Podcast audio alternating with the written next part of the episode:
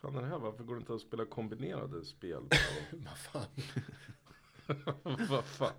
Ja men, ah vad fan! Jävla skit. Ja men halv ett är klockan, jag hinner tippa efter då. Åh, trött jag blir när det inte går som jag vill.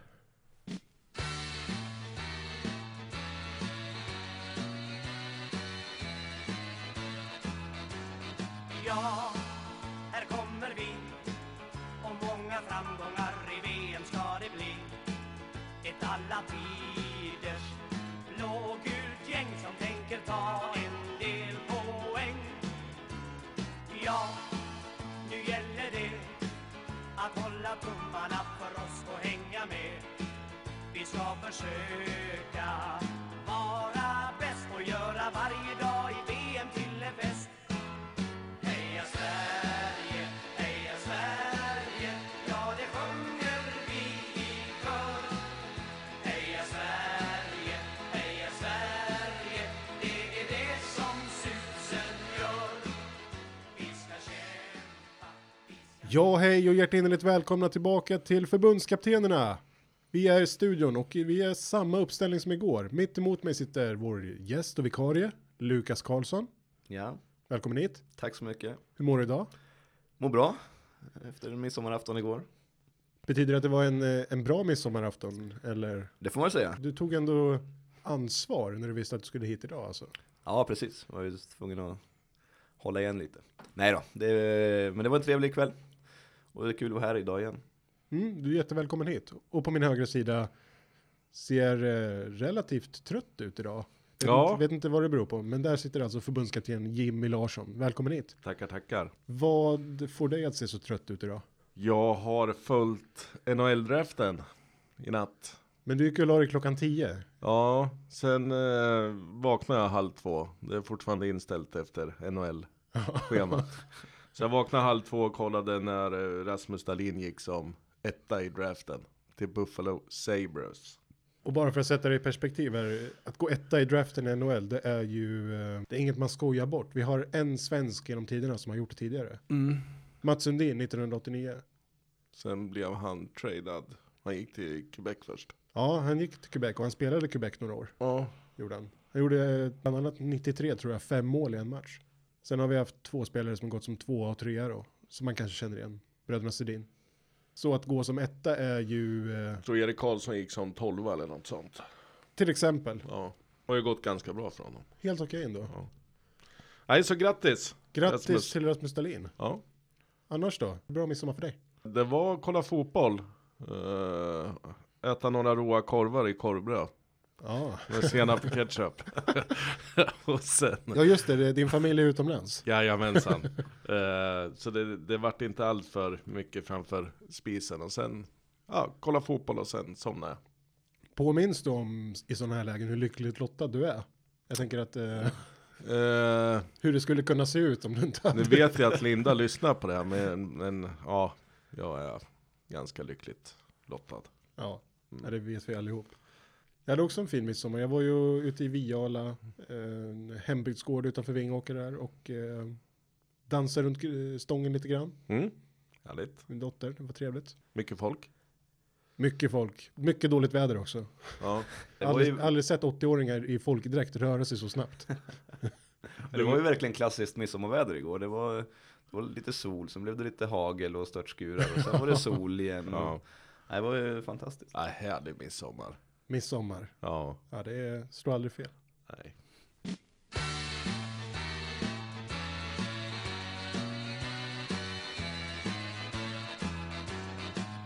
Vi hade ett gäng matcher igår. Igen. Ja, första matchen. Brasilien-Costa Rica. Säger vi Lukas.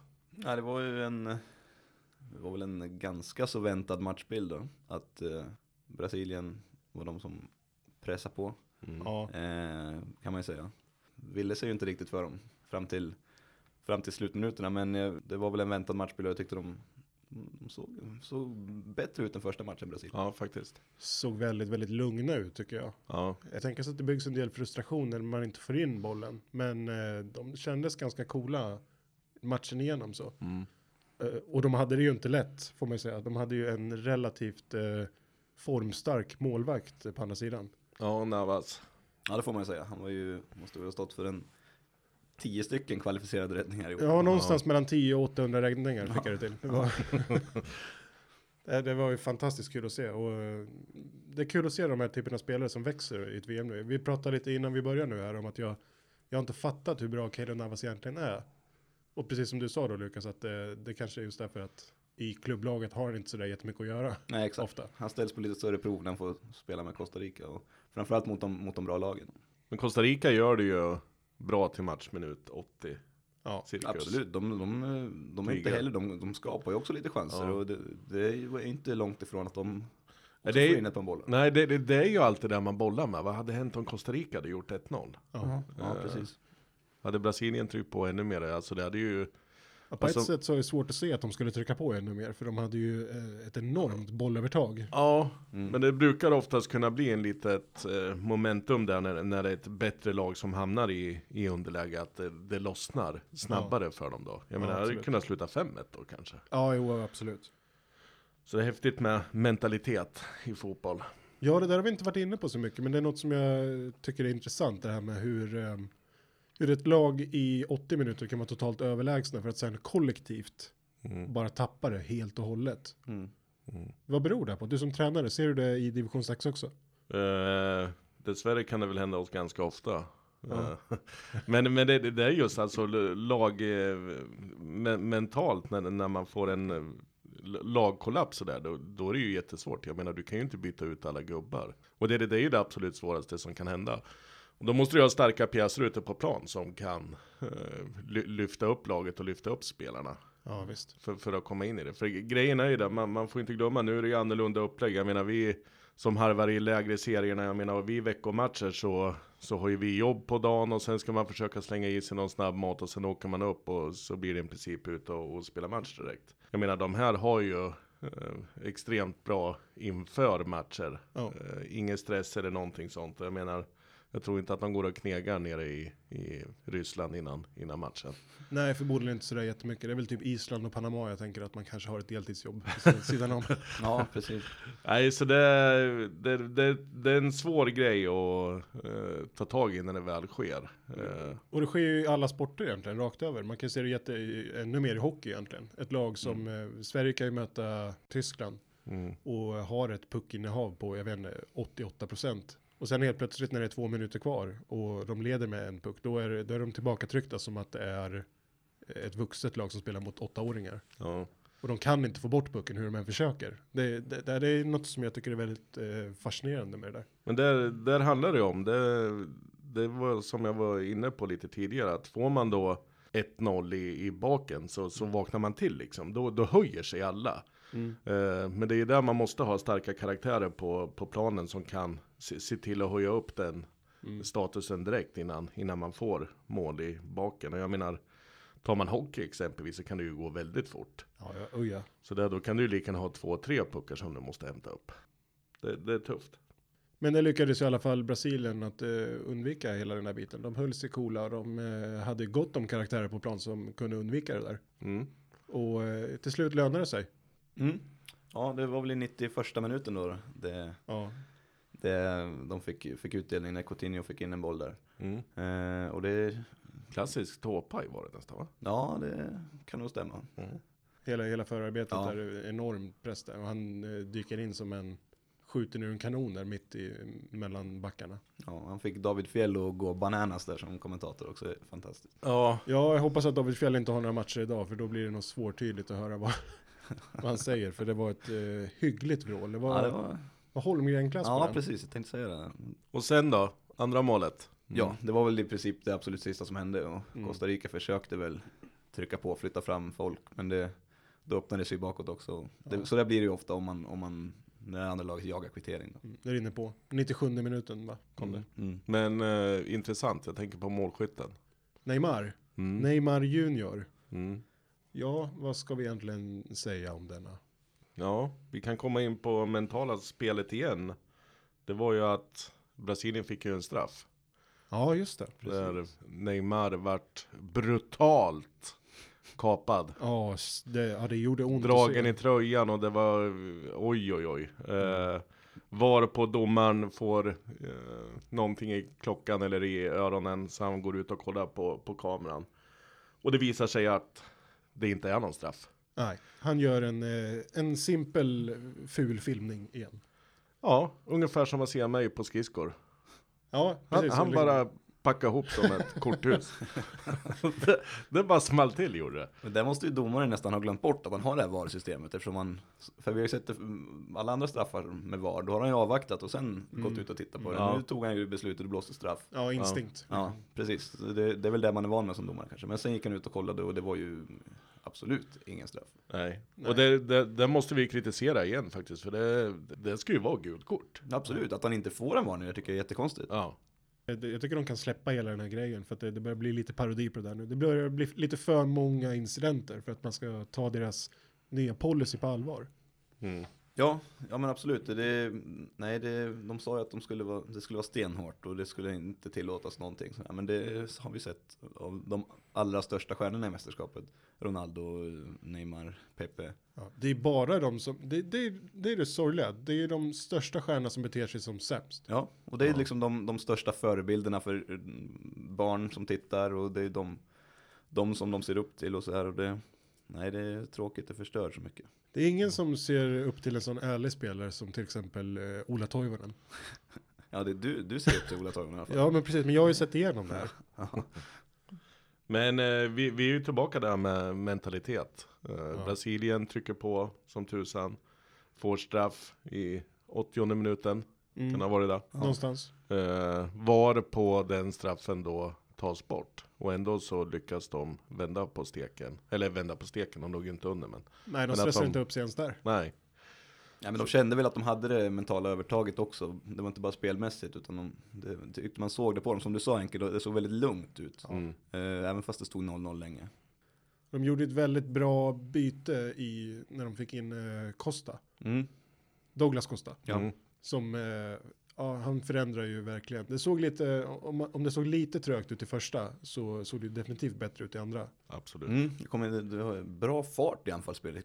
Det såg ut som de tyckte det var jäkligt kul att spela fotboll. Och det, det, Ja. jag tror att eh, får de igång maskineriet ännu mer så kommer de bli hyperfarliga såklart.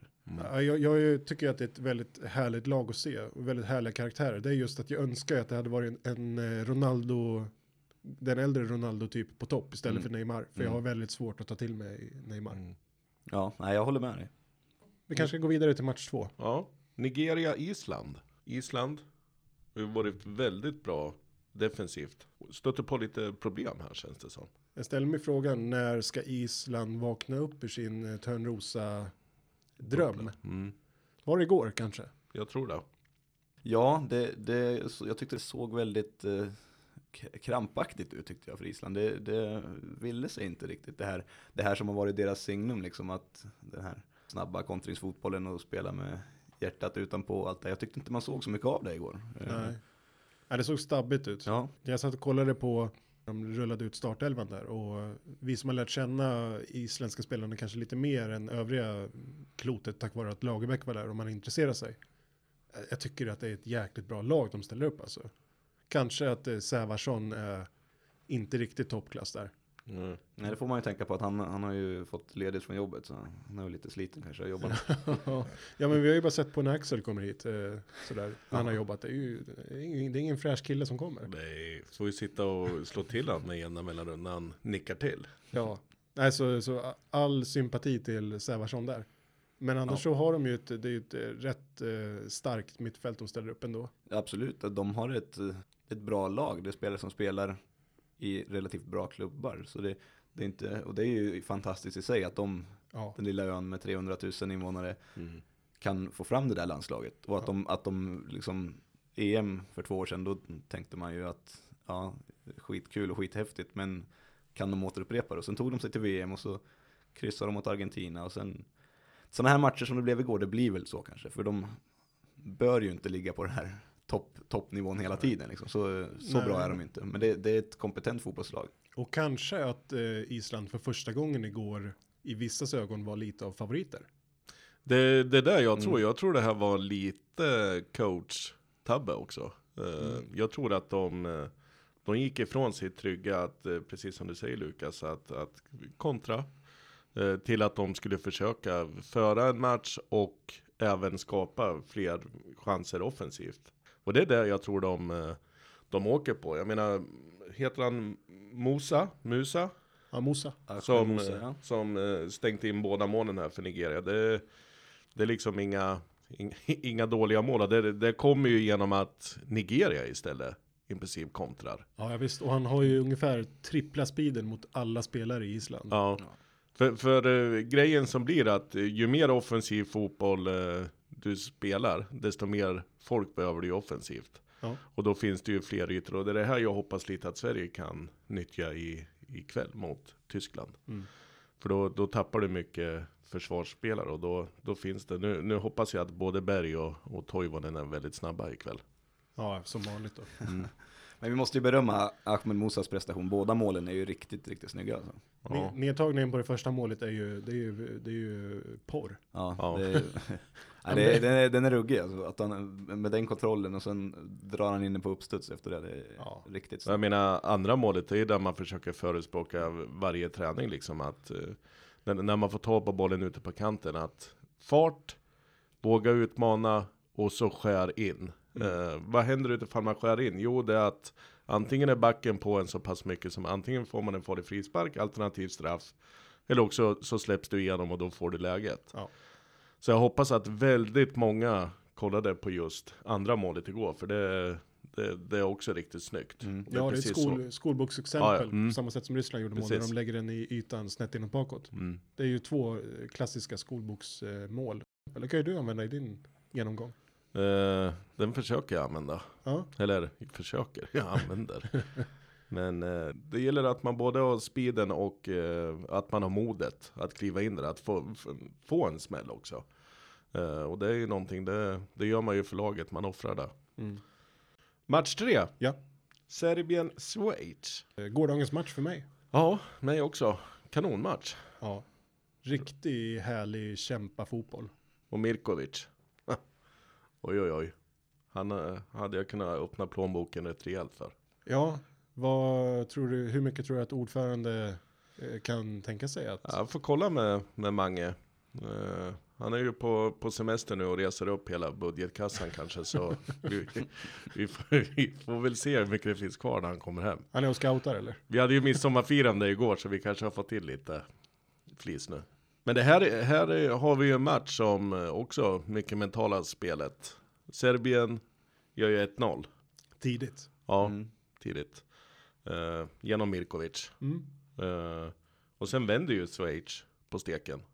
Genom ett, ja två kanonmål kan man väl säga. Ja, första målet kommer från ingenstans. Alltså, han kommer, det är alltså ett skott från ja, vad är det, 25-30 meter. Mm.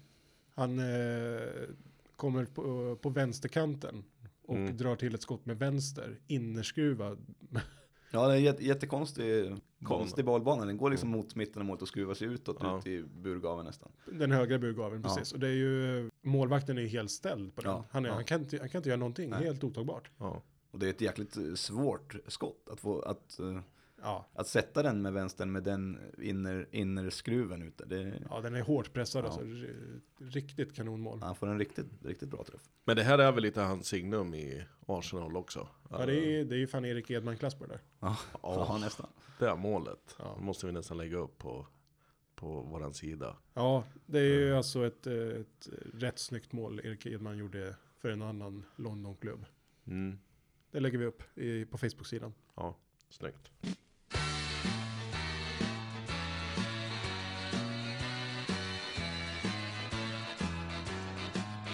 Shakiri. Säger Det- vi om lilla Hulken. Shakiri, det här VMs Messi kanske?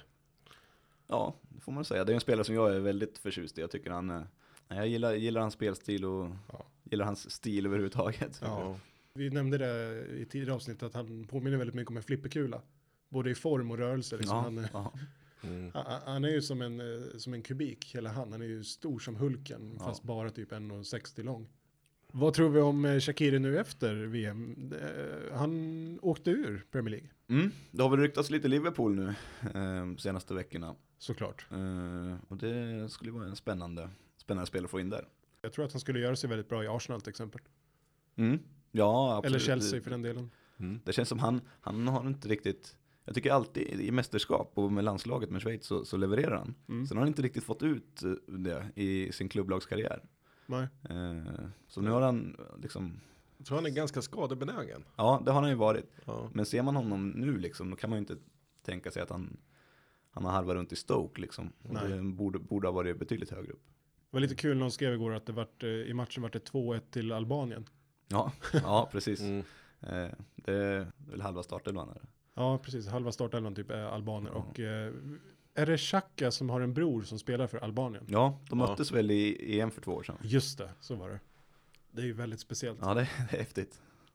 Eh, I grupp E då, då har vi Brasilien och Schweiz som står på fyra poäng just nu och Serbien på tre inför sista. Så det är ju också vid, Vidöppet. vidöppet verkligen om, Mm. om de två platserna där. Det var ju ändå lite så här eh, limboläge efter första omgången där. Man vet ju, ja men det är fortfarande två matcher kvar. Men nu börjar man ju se lite grann åt vilket håll det drar. Mm. Vissa skrällar letar sig in i, i omgång två. Men annars så tycker jag att eh, storlagen har steppat upp rätt bra. Vi hoppas väl att det kommer en skräll ikväll. Det gör vi väl inte. Vi hoppas väl på att Sverige vinner ikväll. Oh. ja, Vilket osökt för oss in på Sverigekollen. precis. Har vi något nytt kring Sverige? Ja, det har väl eh, smugit sig in lite mer sjukdomar i truppen. Ja, Eh, tyvärr, eh, inför matchen. Det var väl, det har väl som tur var ingen, ingen av de Nej, mest tongivande spelarna som har Filip. Helander. Eh, Pontus Jansson och, eh, vem var det sista? Det var tre va? Men Pontus Jansson och, och Filip Helander i alla fall, det är två, två mittbackar. Eh, Mm. det innebär att vi bara har två mittbackar tillgängliga idag, med Lindelöf och, och eh, Granqvist. just det.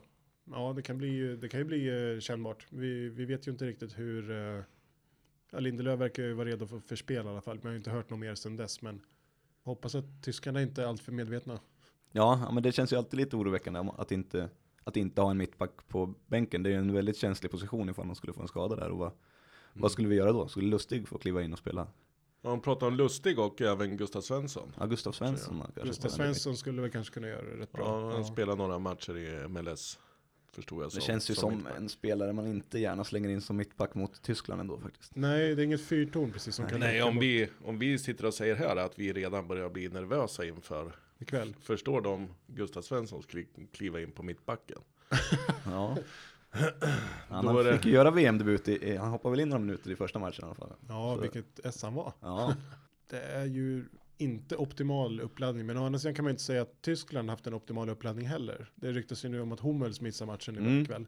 Det är något vi kan vara glada för. Även om man har varit rätt kass på sistone. ja, ja men det, det är ju ett tungt avbräck, det är en viktig, en viktig pjäs för dem. Men, Karaktärsspelare. Absolut. Men eh, sen också det, det, bredden de har i truppen är ju helt Ja. otrolig egentligen. Oavsett om Hummels missar matchen eller inte så det kommer vara en bra backlinje de ställer på benen ändå. Mm. Det vet vi ju. Ja. Eh, det känns som det skulle vara betydligt mer kännbart. Skulle Sverige tappa Granqvist till exempel. Ja. Då- Även om vi hade haft Helander tillgänglig. Ja, ja Jag, jag vill flika in det, Marcus Rodén. Rodén är sjuk Just också. det. Mm. Det har vi ju ändå haft tur att ingen av dem är, är mm, tänkta för startelvan. Pontus Jansson spelade ju senast och kanske hade varit aktuell. Men, Men, vad kan det här bero på? Jag tänker det är inte hela laget som har åkt på magsjuka. Så Det är ju midsommarmaten. inte, Ja, man kan ju nästan tro det. Men jag tänker då skulle ju hela truppen vara utslagen. Om det hade varit något kocken hade fuckat upp där. Ja, vi nämnde ju lite det här om att de hade fått träffa familjerna en dag. Ja, Eh, Ja. umgås med barnen och, och, och, och fruar och sambos och allt och det. mm. Eh, det kan ju vara en faktor såklart. Jag, jag tycker någonstans att det känns väldigt, väldigt konstigt att de tillåter en sån grej. Ja. Men jag Sen, menar eh, OS-skidåkare eller oavsett vad det är, det är ju isolering som gäller. Ja. Inga utifrån ska in. Vi har inte råd att bli sjuka. Nej. Ja, det, det var ju som vi snackade om lite tidigare att eh, det är väl trevligt med en liten familjedag, men det är ju som så att Sverige lär ju inte gå och spela VM-final direkt. Så det är inte, det är inte så jättelänge kvar tills de får träffa sina familjer igen. Så det kanske man kan klara sig utan, just för att hålla sig frisk. Ja, nej, jag tycker att det är, det är orimligt det, att, att de får göra det faktiskt. Mm. Känns oseriöst. Jag tror ganska många lag träffar sina familjer. Jag, jag kan inte förstå det. Hade jag, varit, hade jag i egenskap av förbundskapten, vilket jag faktiskt är, så, så skulle jag, det första jag hade gjort hade ju varit att förbjuda familjerna under VM. Du är så hård. Ja, men det, man pratar om gruppdynamik, gruppdynamik va, men vad fan. Mm. Kul när det händer en sån här grej nu då. Nej, det, det är det som, och det blir ju säkert en tankeställare att eh, hur man ska tänka i framtiden. Ja, Om det nu, det, troligtvis kan det ju vara, jag menar det kan ju vara så enkelt att det, det har satt sig att magen har börjat eh, strejka eller någonting sånt. Det kan ju hända om man åker till andra länder att det, det blir att det slår bakut. Men det skulle vara intressant att få veta, för det är ju lite mörk, mörkning det här också liksom, att de inte går ut och verkligen säger vad, utan det, de insjuknade eh, med, med magproblem liksom. det var samma med Lindelöf, de gav oss ju ingenting. Nej. Kände sig lite, började känna sig lite, vad sa han? Eh, Lite vissen. Ja, lite vissen. Ja. Precis. Det betyder ju ingenting. Nej. Ge han lite vatten. Ja, Kanske han får liv igen. Ja, nej, det är, Va? ja, exakt. Ungefär som alla våra blommor hemma. Eh, Men det, varit, det var ju, Svärmor kommer och hon är helt galen. det finns inte en blomma i liv.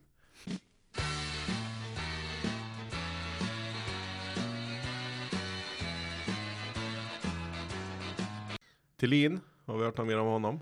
nej, jag har inte hört någonting mer om honom. Däremot hörde jag att eh, Guidetti tränade med hårt tejpad fot. Ja, men han biter ihop ifall det skulle behövas. Det tror jag säkert att han gör eh, så mycket han kan, men han är ju trots allt också bara, man kan inte bara gå på inspiration. Nej. Det, nej, det känns lite sådär, eh, förutsättningarna är ju inte perfekta för ikväll. Nej.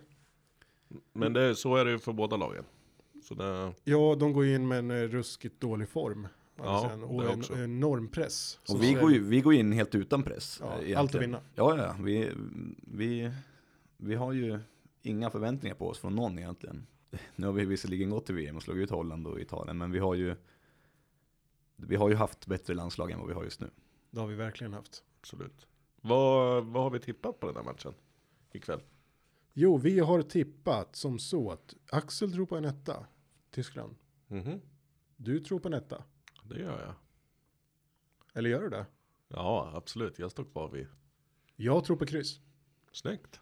Tipskungen sticker ut hakan. Lukas? Jag tror ju på Tyskland naturligtvis, men jag hoppas innerligt på krysset. Mm. Ja. Eller, eller vinst naturligtvis i första hand, men det tror jag inte vi ska ha allt för höga förhoppningar om. Nej, ska vi vinna då ska det bli på en eh, jurist skickar ut bollen och eh, Toivonen skjuter över honom sätt. Ja, Eh, Från halva plan. Det är det sättet vi kan vinna på tror jag. ja men det känns som det. Jag tycker vi ska, vi ska ju inte ta några risker egentligen i den här matchen. Nej. Vi ska ju försöka gå för 0-0. Mm. Vi ska spela som vi gjorde mot Italien. Precis, precis. Och sen får vi se, det är inte, inte säkert det håller i 90 minuter. Tyskland är ju, är ju bra, liksom, men, Mm. De här vi- maskiner. och de har med en förlust i ryggen, de börjar väl tugga igång den här maskinen också. Så är det ju. Så spela på 0-0 så länge som möjligt. Förhoppningsvis får vi VMs första mållösa match ikväll. Nej. Men, men jag tror det är väldigt viktigt det som eh, Janne Andersson eh, försöker printa in i, i huvuden på, på killarna. Liksom, att när vi väl vinner boll, Mm. att vi försöker ha ett lugn och att vi försöker skapa någonting och få några passningar och eventuellt kunna gå för det så att vi, vi skapar anfall också. För jag menar, det optimala i en sån här match, det vore ju att vi kunde peta in 1-0 genom en nick utav Granqvist eller någonting sånt. Och det är ju inte helt omöjligt. Och då är det spännande att se vad som kommer hända. Ja, jag är rädd för vad som skulle kunna hända då. Men Då känns det jag- inte som att vårt offensiva spel kommer synas överhuvudtaget. nej, jag håller ju gärna 0-0 än 1-0 så länge det går. Sen Mm. kan vi peta in 1-0 sent. Ja, ja det vore ju absolut optimala. Men jag tror också att ehm, jag undrar hur, um, hur Ludde Augustinsson, Mm. Han var inte lysande i den första matchen, kändes väldigt nervös. Mm. Mm, och där har ju flera öppnat för att slänga in Martin Olsson. Eh, jag vill ju gärna se båda två på planen, Ja. som jag berättade igår. Mm. Eh, men sen är jag också, vet jag inte hur mycket Janne vill, vill ändra i elvan. Förmodligen så lite som möjligt. En ändring blir att Lindelöf går in då, men sen tror jag vi kommer få se samma startuppställning. Det är bara att hop- hoppas att nerverna eh, håller sig. Och det gäller för alla, det gäller för Lindelöf med, alla VM-debutanter. Ja, det, och det är ju, Ja, Lindelöf kliver ju in nu eftersom han inte var med. Ja. Det kan ju Ja. finnas lite... Ja, ja. och han är också inte, han har ju inte spelat speciellt mycket och sådär. Det är ju, men han, han är en duktig mittback, en spelskicklig mittback. Och, Mm, Men sen tyckte jag ju att Pontus Jansson gjorde det bra mot Sydkorea. Och han är en, absolut. han är en sån spelare som i sådana här matcher kan vara, kan betyda väldigt mycket. I ett kommande kval kommer ju Pontus Jansson att få en nyckelroll. Det är jag Mm. helt övertygad Mm. om. Mm. När Granqvist tackar för sig efter Ja. VM nu. Han är ju fysiskt starkt. Ja, och han Stark. liksom lägger ju ingenting emellan utan det, det är fullt ös. Ja. Lite, lite riskabelt spel ibland till Ja. Ja, Men- det är precis som Mellberg. Ja. Det är en Mellberg-typ. Mm. Precis som Granqvist. Nej, vi hoppas. Jaha, Jag håller det, alla tummar vi har här. precis, det är, det, det är det vi får göra idag. Vi får hoppas och Mm. be till Axels fotbollsgudar att det här, eh, att det här går vägen. Ja. Har vi någonting att hylla? Jag har, in, jag har faktiskt ingenting. Tyckte den här omgången gled på ganska bra igår. Så jag har inget speciellt. Ja, nej, eh, jag tror inte det heller. Jag vill väl hylla då eh, världssexan Schweiz som visar eh, prov på sin ranking igår och eh, bryter ner det här eh, väldigt starka Serbien. Mm. Det är en bra hyllning. Ja, nej men eh, vi har varit inne på det tidigare avsnitt, men jag tycker att de gör en kanonmatch och Mm. eh, nej, det blir ett, en outsider framöver. Känga, Ingen heller faktiskt. Nej, det var... nej, då får väl jag ta tag i den också då. Ja, Neymar, skärp dig! Ja, ja, ja den står jag bakom. förlåt. Ja, jag behöver inte utveckla den mer. Nej. Jag tror våra lyssnare är jävligt trötta på mina tankar kring filmningar och sådär. Men fan. Men det är ju inte ens ditt fel. Nej, Nej. Så det, du är förlåten. tack. Ja. Men att det är de här allra största stjärnorna också, det gör, gör mig ännu mer förbannad nästan. Ja. Jag tycker ingen ska filma naturligtvis, men att det är de, de som är förebilder för alla yngre och Mm. vad fan är det frågan om? Ja. Det är ju patetiska filmningar. ja, precis. Det är ju inte ens eh, bra försök. Nej, nej.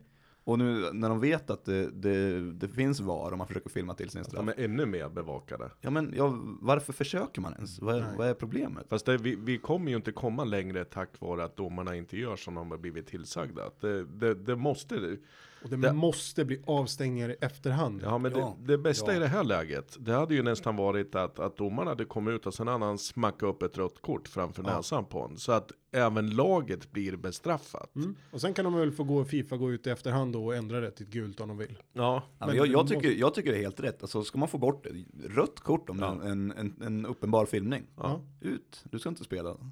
nej. Det är nästan punkt där, för det är Bra slutord. mycket bra sagt. Bra slutord.